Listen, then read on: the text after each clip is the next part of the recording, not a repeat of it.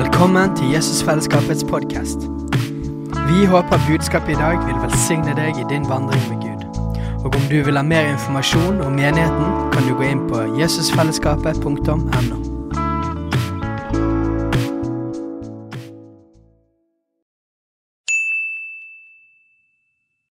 Hei! Visste du at Jesusfellesskapet starter en ny bibelskole til høsten? Den heter Jesusskolen og starter den 3. september. Gå inn på jesusskolen.no for mer informasjon. Først bare et lite, lite vitnesbyrd. Jeg, jeg har kjent helt siden vi, vi fikk eh, ta over dette bygget her, at eh, for det første skal dette være sted av bønn og lovstang hver eneste dag. Et hvilested for Den hellige ånd. Eh, og mange andre ting, men en av dem er det at, at evangeliet skal gå ut herfra. Mange skal komme inn her og bli frelst. Vi skal døpe, bruke det dåpspresangen der masse. Eh, men det skal òg være et sted der, der, evangeliet går ut fra. Og det er noe profetisk med det. Eh, dette gjelder jo selvfølgelig vårt personlige liv òg. Det er ikke koblet til en bygning. Men, men, denne bygningen skal få være et sånt profetisk sted. Eh, der vi får demonstrere det som på en måte egentlig er livet med Gud. Med at først og fremst så er det han, det er hans nærvær. Det er intimiteten med han det er bønn og tilbedelse. Men ut fra det stedet så flyter livet og flyter evangeliet ut av andre mennesker. Og så Jeg har kjent at det er viktig at, at vi er her og ber, og så går ut og så forkynner evangeliet.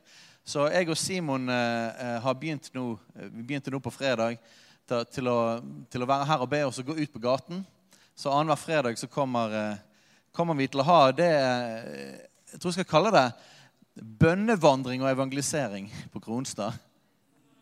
Fordi det vi jo kjente er at vi skal, ikke, vi, skal, vi skal, snakke med folk, be for folk, dele evangeliet. Men vi skal òg be for hele området og gå på områder. Hvert sted vi setter foten på, vil Gud gi oss. Og legge hendene på bygningene og be for familiene. Jeg bare kjente jeg skulle dele ut sånne her Kjell Haltorp-bøker. hadde en haug av de som han ga til oss. Eh, sånn her Veien til Gud, vi gikk og puttet i postkasser og ba for hvert eneste hus og familie i nærheten her. Og jeg bare kjenner at Vi skal fortsette med det og bare innta området her. Nå har, vi, nå har vi, et bygg her, så la oss, eh, la oss ta ansvar for dette området. Selv om vi bor spredt rundt omkring i Bergen sjøl. Så, så la, oss, la, oss, sørge for at Kronstad får oppleve evangeliet. Og at den bønn og lovsang som er her, ikke bare blir isolert til innenfor disse veggene, men at Guds nerver får spre seg utover. sant? Så dere er velkommen til det. Det kommer liksom eh, informasjon og reklame på det. Men annenhver fredag også bønnevandring og evangelisering på Kronstad. Og eh, vi håper det kommer til å være en god gjeng sammen med oss. Og så gikk vi rundt eh, på fredag, og så, det var utrolig herlig å bare være der ute. Og, eh, og Simon, vet du, når han møter noen, så da Og begynner å prate, da tar det lang tid. Så da har han fått kontakt. Men jeg gidder ikke bare stå der. Så da tenkte jeg jeg får gå litt rundt et annet sted. Så det gikk jeg for meg sjøl rundt her. Og så kom jeg liksom en runde rundt, og så kom jeg tilbake igjen liksom til, til bygget her. Og så sto det en gjeng med ungdommer, fem stykker, rett utenfor hovedinngangen. Så sto de der og hang. Sto der med skateboard og var liksom kule. Og så, så tenkte jeg dette var jo kult. Folkene står rett utenfor liksom, kirkedøren. Og Jeg opplevde det var et profetisk tegn om at høsten er rett utenfor kirkedøren. Høsten er rett utenfor kirkedøren. Så jeg fikk, eh, jeg fikk dele evangeliet med dem. Og, eh, og, så sa jeg jo, jeg tenkte liksom, Det var jo litt gøy at de var der. Så sa de vet dere, dere står rett utenfor en kirke her. Rett utenfor døren. Og jeg er faktisk pastor, så nå må jeg faktisk få snakke om Jesus med dere. Dere hvis dere skal få lov til å henge her, da må dere høre evangeliet. Eh, så det var jo fint. Og så eh, fikk jeg gitt den denne boken, og så spurte jeg om det var noen som hadde noen skader. og sånn. Så var det en jente som hadde hatt hadde, hun hadde datt ut av en campingvogn eller hva det var for fire år siden. Så hun hadde en skade i ryggen sin. Og Så fikk jeg be for henne, og så forsvant smerten. Eh, så høsten er rett utenfor kirkedøren. Eh, og det gjelder jo selvfølgelig overalt i livet vårt og i vår arbeidsplass, nabolag og familie. Men det gjelder òg geografisk i området her. Så la oss sørge for at evangeliet kommer ut fra dette stedet. Dette er et sted av bønn og lovsang, av Guds nærvær, men skal det òg flyte ut til mennesker. Amen? Yes. OK. Hva er klokken nå? Halv? OK. Da tar vi en eh, tar vi en sånn lengde på forkynnelsen som de gjør i andre menigheter. ikke? Der har de jo sånn 25 minutter, en halvtime, ikke de? Så vi får prøve oss på det. Halv, halv, eh, halvparten av tiden. Eh, jeg har lyst til å snakke om um, Om det å forsvare evangeliet. Og uh, i, Filippane 1,16 så sier Paulus det at han er, han er satt til å forsvare evangeliet. Og det er et kall som jeg òg personlig har kjent vokse mer og mer fram. Et kall til å forsvare evangeliet. Dere vet at når i vår kultur, og dette har vært sånn i alle tider, i alle kulturer, så er det sånn at det finnes visse, visse ting i en kultur som ønsker å gå inn og prege Guds menighet. Sant? Og det vil være ting som står imot det Guds rike og det Guds ord sier. Men det vil være forskjellige ting til forskjellige tider. Så Guds menighet har i, i, til alle tider stått på å forsvare evangeliet. Og hvorfor er det viktig å forsvare evangeliet, folkens? Noen som har en idé om det? Jeg kan gi svaret, da. Det er fordi at vi blir frelst ved evangeliet. Halleluja. Hvorfor må vi forsvare evangeliet? Jo, fordi at vi blir frelst ved evangeliet. Ved evangeliet er Guds kraft til frelse. Som betyr at hvis evangeliet blir endret eller eh, vannet ut eller forandret, så mister vi den kraften som evangeliet er til, Gud, til frelse. Så, så, evangeliet er Guds kraft til frelse. Og vi vil, trenger vi Guds kraft? Trenger vi Guds kraft til frelse? Trenger vi at, at, at, at mennesker møter Jesus og blir frelst? Ja, da trenger vi at evangeliet får være evangeliet. For da tar du det vekk, så mister vi kraften. Og dette her har vært, det har vært en kamp i alle tider. I Det nye testamentet ser vi det òg. F.eks. Galaterbrevet. Det er et brev som er å forsvare evangeliet. For Da kom det inn noen i menigheten i Galatia. Og så forkynte de Dette her var jøder som hadde møtt Jesus, hadde tatt imot Jesus som Messias. Men så hadde de ikke liksom tatt, fått hele liksom evangeliet inn. Så de liksom ville, de forkynte Jesus, men så ville de ha med hele loven fortsatt. Så de forkynte det at du måtte holde Moseloven. Så måtte du omskjæres. Eh, du basically måtte bli en jøde, og så kunne du ta imot Messias. Så, du, du, så de hadde liksom fortsatt gamle, den gamle pakt, og så Jesus på toppen. Og når Paulus eh, fikk høre det at, at disse folkene hadde vært der og forkynt dette i menigheten deres, Eh, og folk hadde tatt imot det, så skrev han dette brevet til galaterne. Som er et kraftig forsvar for evangeliet og en konfrontasjon av denne vranglæren. Dette falske evangeliumet. Og faktisk var det sånn at eh, Paulus sa det at om noen forkynner et annet evangelium, så han han være forbannet. Halleluja! Woohoo! ikke det herlig? Han sier til henne, disse som forkynner omskjærelse, at de må omskjæres for å bli frelst. Han sier, la de skamskjære seg, hele gjengen. Halleluja.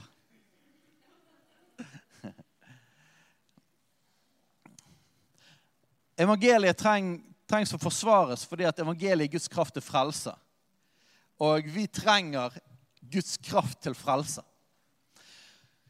Og så er det ofte sånn at vi, denne her tilpasningen som de gjorde, disse her jødene gjorde Vet du hvorfor?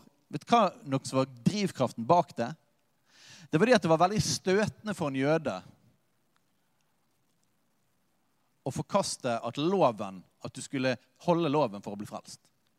Det var veldig vanskelig for dem. Så de ville ikke gi slipp på det.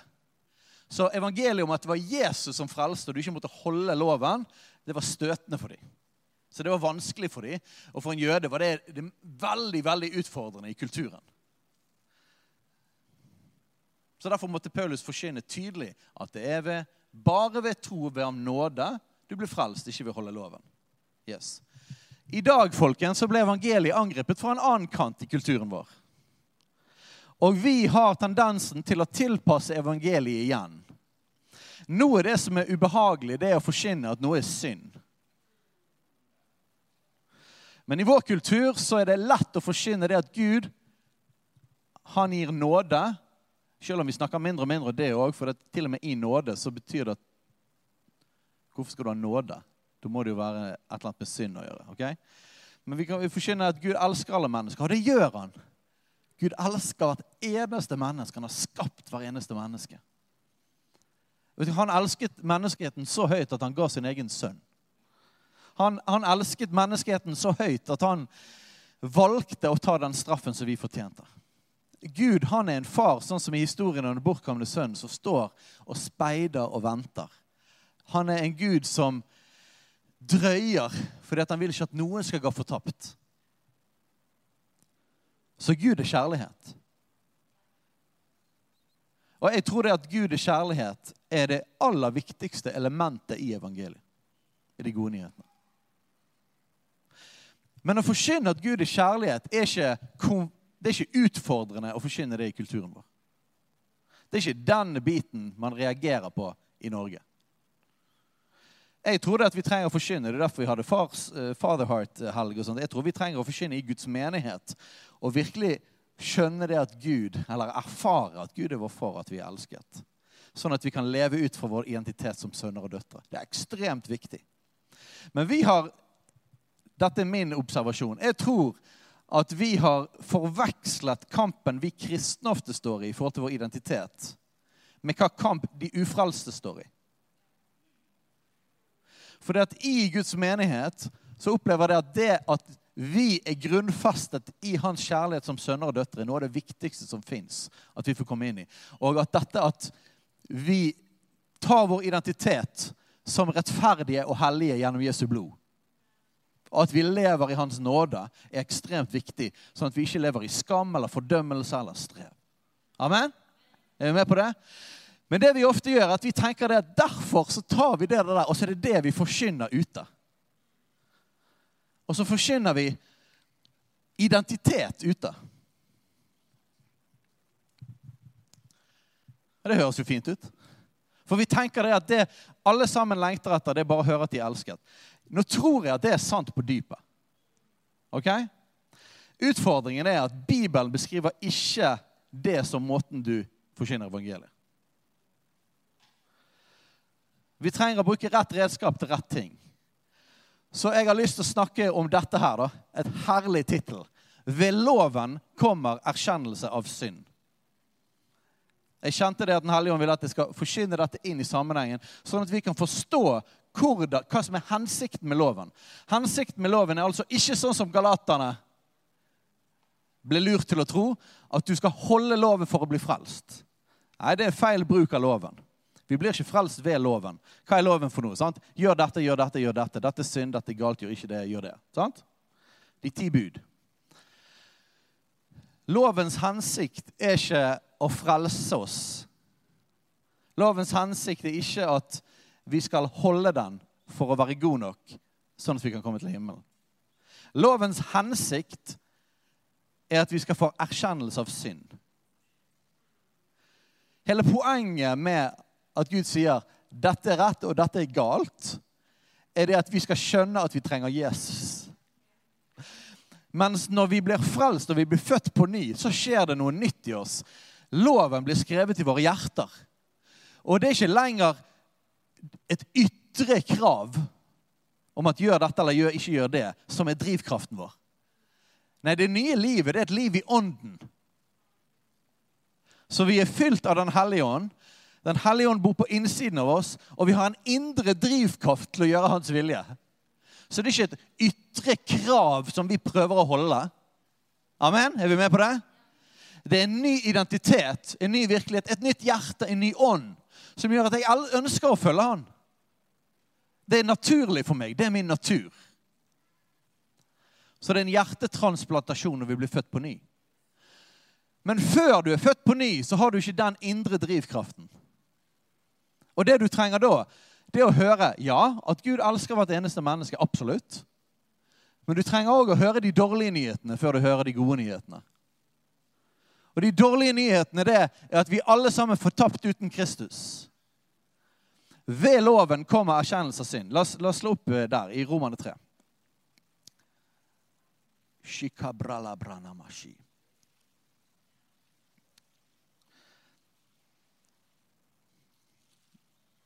Hvorfor er dette viktig å snakke om? Jeg tror det er viktig å snakke om fordi at vi trenger å kjenne evangeliet. Hvis vi skal dele evangeliet, så er det greit at vi vet hvordan eh, man deler evangeliet, og hva evangeliet er for noen ting. Dere trenger å vite dette for dere må ikke bli lurt av tidsånden eller kulturen vår til å dysse ned denne essensielle delen av evangeliet. Fordi at det vi gjør, er at vi tar Guds kraft vekk.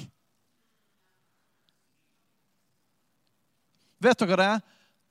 Alle kirkesamfunn og bevegelser dette, dette er gjort statistikk på, alle kirkesamfunn og bevegelser på jorden som har begynt å gå vekk ifra å forkynne synd, eller det vi kaller en liberal kristendom, alle de stuper.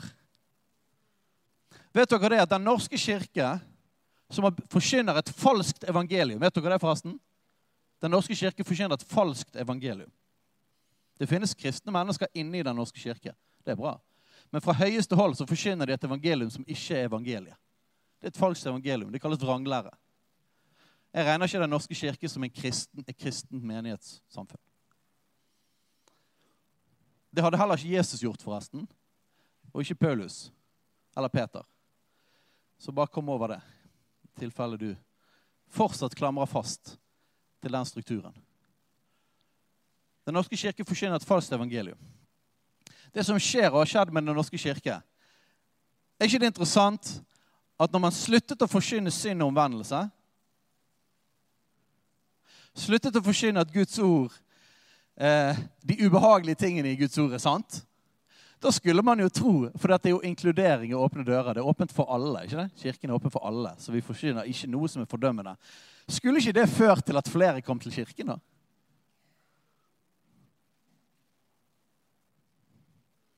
Men det gjør jo ikke det. Det er færre og færre og færre. Det har aldri vært så mange som har meldt seg ut av Den norske kirke som nå. Og dette skjer over hele verden. Hvorfor det?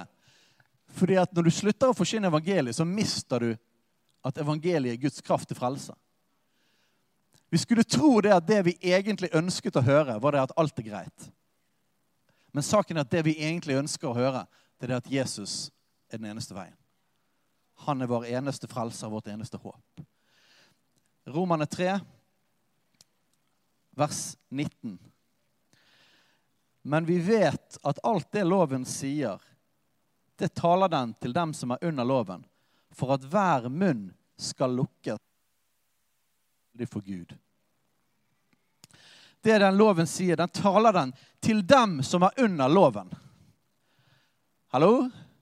Vet dere hvem som er under loven? Det er de som ikke er frelst. Vi er ikke under loven. Vi er under nåden. Vi er ikke under loven. Loven er skrevet i våre hjerter. Vi er i en ny tidsalder. Åndstidsalder. Så loven er for de som er under loven. Altså de som ikke er frelst. Her trenger vi en fornyelse av sinnet, folkens. For det har blitt lært i årevis i landet vårt og i hele, hele Vesten at man skal ikke forkynne om synd til ufrelste. Vi har snudd opp ned. Saken er at Vi forkynner identitet til de som er frelst, og vi forkynner om synd til de som ikke er frelst. Det er det Nytestamentet viser. Når vi er frelst, så forkynner vi den nye identiteten for å leve ut fra den. Hvis du ikke er frelst, forkynner vi loven. Hvorfor? For at, hele, for at hver munn skal lukkes. Hva betyr det? Det betyr at hele den menneskelige tendensen til å si at jeg kan klare å få det til, eller jeg er ikke så verst, eller jo, jeg, kan, jeg er jo stort sett snill og grei. Det egne strevet, den egne behovet for at, for at jeg skal klare for, vi blir, Munnen vår blir lukket når vi ser loven. For da ser vi at jeg har ikke sjans. Jeg elsker å forkynne loven. Vet du hvorfor? Jeg kjenner en sånn frihet. Det er en sånn frihet i å ikke få det til. For Så lenge du tenker at standarden er sånn, så kanskje vi kan klare det med strev. da. Når du ser at standarden er der, så er det ikke sjans. Halleluja! Er Gud fri? Det er jo det som er evangeliet. Hele verden skal bli lukket, eh, eh, hver munn skal lukkes, og hele verden blir skyldig for Gud. Vi, jeg har hørt kristne si dette så mye at folk skal ikke få, skal ikke få kjenne fordømmelse. Hvis du er født på ny, og dine synder er blitt utslettet, og du er Guds barn, og du er ustraffelig, så skal du ikke gå rundt og kjenne på fordømmelse. Fordi at du er under Jesu blod. Er ikke det herlig? Jeg er fri fra fordømmelse. Hvis du derimot ikke har gitt all din synd til Jesus, og du kjenner på fordømmelse, så er det rett. For du er under fordømmelse. Du er faktisk under dom. Så denne greien med at folk som ikke er frelst, ikke skal føle på fordømmelse fordi at vi snakker om synd, det er ikke bibelsk. Fordi at Den hellige ånds oppgave, blant annet, er å overbevise verden om synd, rett og dom. Og så er det klart at Når vi snakker om dette med fordømmelse, så ofte så snakker vi om måte, fordømmende holdninger mot mennesker. Men det er ikke det vi snakker om. Og selvfølgelig Kan kristne synde på det? Absolutt. Vi elsker mennesket, personen, fordi at Gud elsker hvert eneste menneske. Men om folk kjenner på fordømmelse for sin synd, så er det steget før å ta imot evangeliet. Så det skal vi ikke ta vekk. Da jobber du mot Den hellige ånd. Og vi er livredd for dette her i kulturen vår. Vi er livredd for at folk skal kjenne på overbevisning om synd. Men de dårlige nyhetene går foran de gode nyhetene. Det fantastiske er når noen kjenner fordømmelse for synd, er det at vi har gode nyheter. Hvis du gir all din synd til Jesus Kristus, så kan du bli fri fra all fordømmelse. Gud står de stolte imot, men den ydmyke gir han nåde. Loven tar oss til et sted av ydmykelse eller forherdelse. Om vi forherder vårt hjerte, om vi sier som den rike unge mannen ah, 'Nei, det kan ikke jeg gjøre', så kan det være vi går vekk fra han. Det er mulig, det. Men når vi tar imot denne åpenbaringen av synd, så bringer det ydmykhet, og vi kan bøye oss for Jesus og ta imot evangeliet så vil loven, nei, hele verden skal bli skyldig for Gud. For intet kjød blir rettferdiggjort for ham ved lovgjerninger. Halleluja! Vi blir ikke rettferdig med å gjøre lovgjerninger. Hører dere det, galatere? Vi blir ikke frelst av gjerninger. For ved loven kommer erkjennelse av synd. Erkjenne betyr at vi ser, vi innrømmer, vi skjønner at uh, vi skjønner at jeg er en synder. Vet du hva det er? At en kristen er ikke en synder. Du vet det, sant? Det står ingen plasser i Det nye testamentet at en synder er en identitet for en kristen. Vi blir derimot kalt rettferdige, og vi blir kalt hellige. Hellige er det vanligste navnet på en kristen. i Det nye testamentet. De hellige i, i, i Korint, og de hellige i Roma, og de hellige overalt. Vi er de hellige i Bergen. Vi er blant de hellige i Bergen. Er vi hellige av vår egen kraft? Nei. Vi er hellige pga. Jesu blod. Han har rettferdiggjort oss, og vi er blitt hellige. Vi er blitt satt til side. Ved Hans nåde. Og det er tilgjengelig for alle, sant? Alle kan bli rettferdige og helliggjort gjennom Jesus. Men det er gjennom Jesus. Det er alltid gjennom Jesus. Det fins to hovedfiender for evangeliet. Det ene er at vi tenker at vi blir hellige eller rettferdige gjennom vår egen kraft. Den andre er det at vi sier at Gud elsker oss så høyt at han ikke bryr seg om synd. Begge deler tar vekk korset. Og korset er sentrum for frelsen. ikke det? Begge deler tar vekk korset. Hvis du kan bli frelst gjennom egne gjerninger, så trenger du ikke det Jesus gjorde på korset. Hvis vi er frelst uten å gi han vår synd og fått livelse for synd, så trenger vi heller ikke korset. Evangeliet, Hvis vi skal forsyne et helt evangelium, må vi ha med begge de elementene. Og i vår kultur så er det det med synd som er mest utfordrende å snakke om. Ok, Ta et bibelvers til. Første Timoteus 1.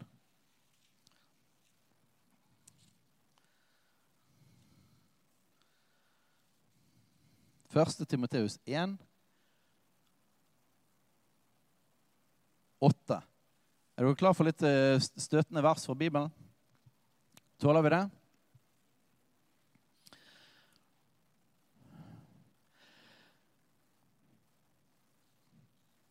Vi vet at om loven er god Vi vet jo at loven er god dersom vi bruker den på lovlig vis. Hva er lovlig vis? Lovlig er at vi bruker loven til å komme til erkjennelse av synd. At vi skjønner at vi trenger Jesus, at vi får tapt uten han. At vi ikke klarer å holde loven. Hensikten med loven er å skjønne at vi ikke klarer å holde loven. Vi klarer ikke å holde Guds standard. Så vi trenger Jesus. Vi trenger nåde. Vi trenger det han gjorde på korset for oss. Så det er lovlig bruk av loven. Vi vet at loven er god dersom en bruker den på lovlig vis. En må vite dette at loven ikke er gitt for den rettferdige. Hvem er rettferdige? Det er vi. Loven er ikke gitt for de rettferdige, men for lovløse og ulydelige, ugudelige og syndere, vanhellige og urene, fadermordere, modermordere, drapsmenn, hokere, menn som ligger med menn, menneskerøvere, løgnere, med nedere, og hva det ellers kan være som strider mot den sunne lære.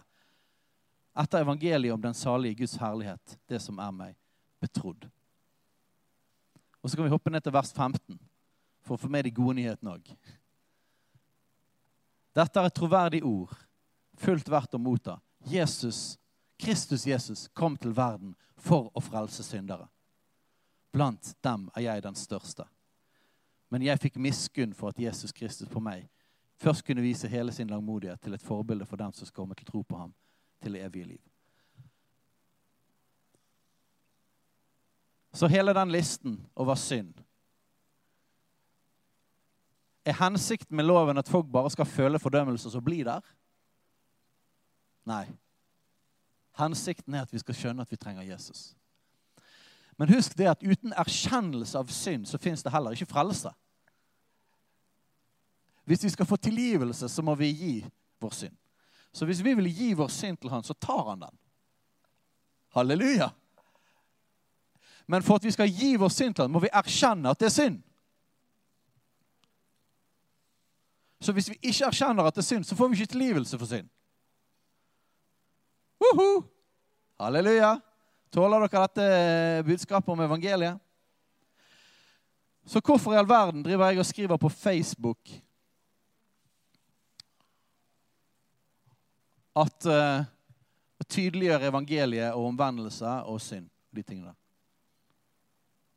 Hvorfor det, da? Fordi vi har, jo, vi har jo lært det at uh, vi skal ikke snakke om de tingene der, for da blir folk støtt. Og da blir ikke folk frelst. Well, how's that working out for you? Guds menighet i Norge. Er det det som har skjedd? Har når menigheten blitt mindre tydelig på synd og på loven, har det ført til at flere har blitt frelst i Norge? Er det det som har skjedd i menighetene rundt omkring? Nei. Utvandrelse av evangeliet fører til mer frafall. Og det fører til at Ikke bare blir ikke andre folk frelst, ikke bare vil de ikke komme likevel, selv om vi har en inkluderende kirke. Ikke bare det. Men Guds menighet blir infisert av denne tankegangen òg. Som gjør at vi ikke virkelig får, til, får muligheten til å leve ut ifra evangeliet. Friheten i at ingen av oss får dette til i vår egen kraft. Alle sammen må legge, leve hver dag foran Jesus.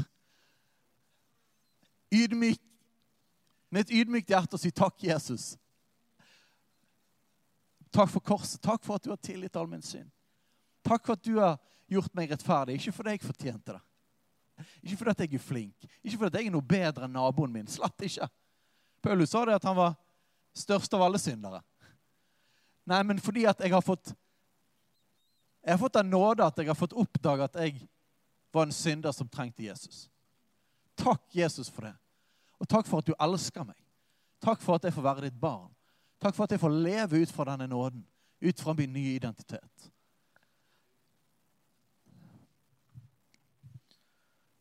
Hvis vi ikke tør å snakke om synd, så får vi heller ikke erfare friheten av Hans nåde.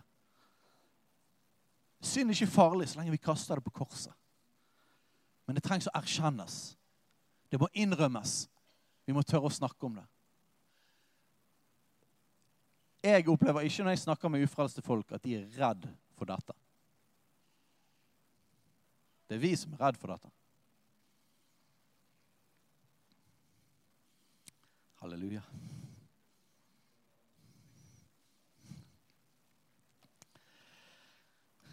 Vi er, vi er sikkert på slutten. Hva er klokken? Fem på. Å, halleluja! Ja, ja. Det var jo en 25 minutters tale. Det er jo fantastisk.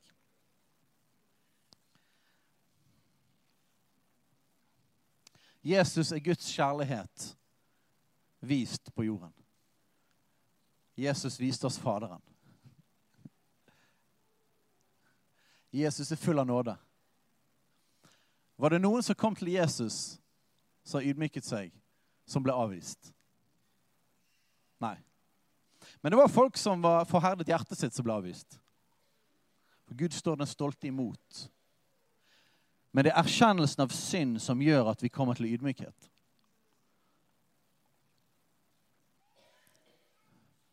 Det motsatte, det er Lucifers ånd. Stolthet. Gud står de stolte imot. Det er de som sier det at 'jeg vil reise meg opp over Gud'. Jeg vil være Gud. Jeg vil ikke bøye meg under noen autoritet. Jeg vil ikke bøye meg under Gud. Jeg vil være Gud. Den ånd, det er Lucifers ånd. Og den fører ikke til frelse. Den fører til fortapelse. Mens alle kan ydmyke seg. Det er ikke vanskelig å bli frelst. Men det krever et ydmykt hjerte. Og ydmykhet kommer gjennom erkjennelse. Så la oss være frimodige med å forkynne det at alle mennesker er under synd. Og at alle mennesker trenger Jesus. Og vit det at evangeliet er Guds kraft til frelse. Guds kraft som slår inn når vi tør å forkynne hele evangeliet. Avslutter med et av mine favorittvers i Apostels gjerninger 2.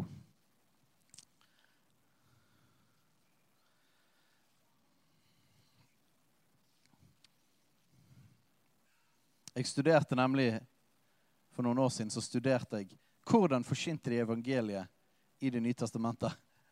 Og jeg ble veldig litt overrasket, for jeg hadde ikke sett det så tydelig før. Men jeg så at evangeliet blir forkynt veldig frimodig og veldig konfronterende. Halleluja. For at evangeliet skal virkelig bringe frihet. Så det siste setningen i Peters tale på pinsedag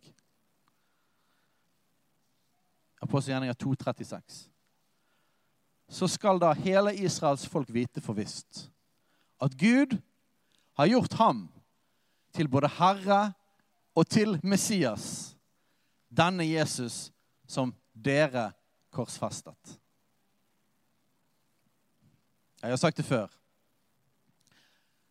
Men det finnes ikke én eneste ting du kunne sagt i Jerusalem på dette tidspunktet som var mer konfronterende og ubehagelig enn akkurat dette. at Jesus, han er herre. Det var utfordrende for jødene å høre. At Jesus, han var Messias. Messias som dere har ventet på i hundrevis av år. Det var Jesus. Og når Gud sendte denne Messiasen som dere har ventet på, Jesus, så drepte dere han. Det er dårlige nyheter, det. Men Peter var ikke redd, drevet av Den hellige ånd, for å forkynne det mest ubehagelige som var i hele kulturen på den tiden. Og hva var det som skjedde? Men da de hørte dette, stakk det dem i hjertet. Og de sa til Peter og de andre apostlene, 'Hva skal vi gjøre, brødre?' Og Peter sa til dem, Omvend dere og la dere alle døpe på Jesu Kristi navn til syndenes forlatelse. Til syndenes forlatelse. Det er tilgivelse for den synden at dere drepte Messias. Det er ikke over. Så skal dere få Den hellige ånds gave. Men før tilgivelsen kommer erkjennelse og så omvendelse. Så hvorfor stakk de det i hjertet? Fordi at han forkynte sannheten om synd. Og derfor ble de frelst. Det er Guds kraft i evangeliet. Amen. Hei, alle sammen. Det er Katrine og Steinar Lofnes her. Vi er hovedledere for Jesusfellesskapet. Så kjekt du har lyttet til denne podkasten. Har du forresten hørt noen av de andre podkastene våre? Ukens tale, Disippelskolen, Hyrdepodden, Kulturkrigen og Mammas hjerte. Du finner disse podkastene på Spotify, Apple Podkaster og på nettsiden vår jesusfellesskapet.no.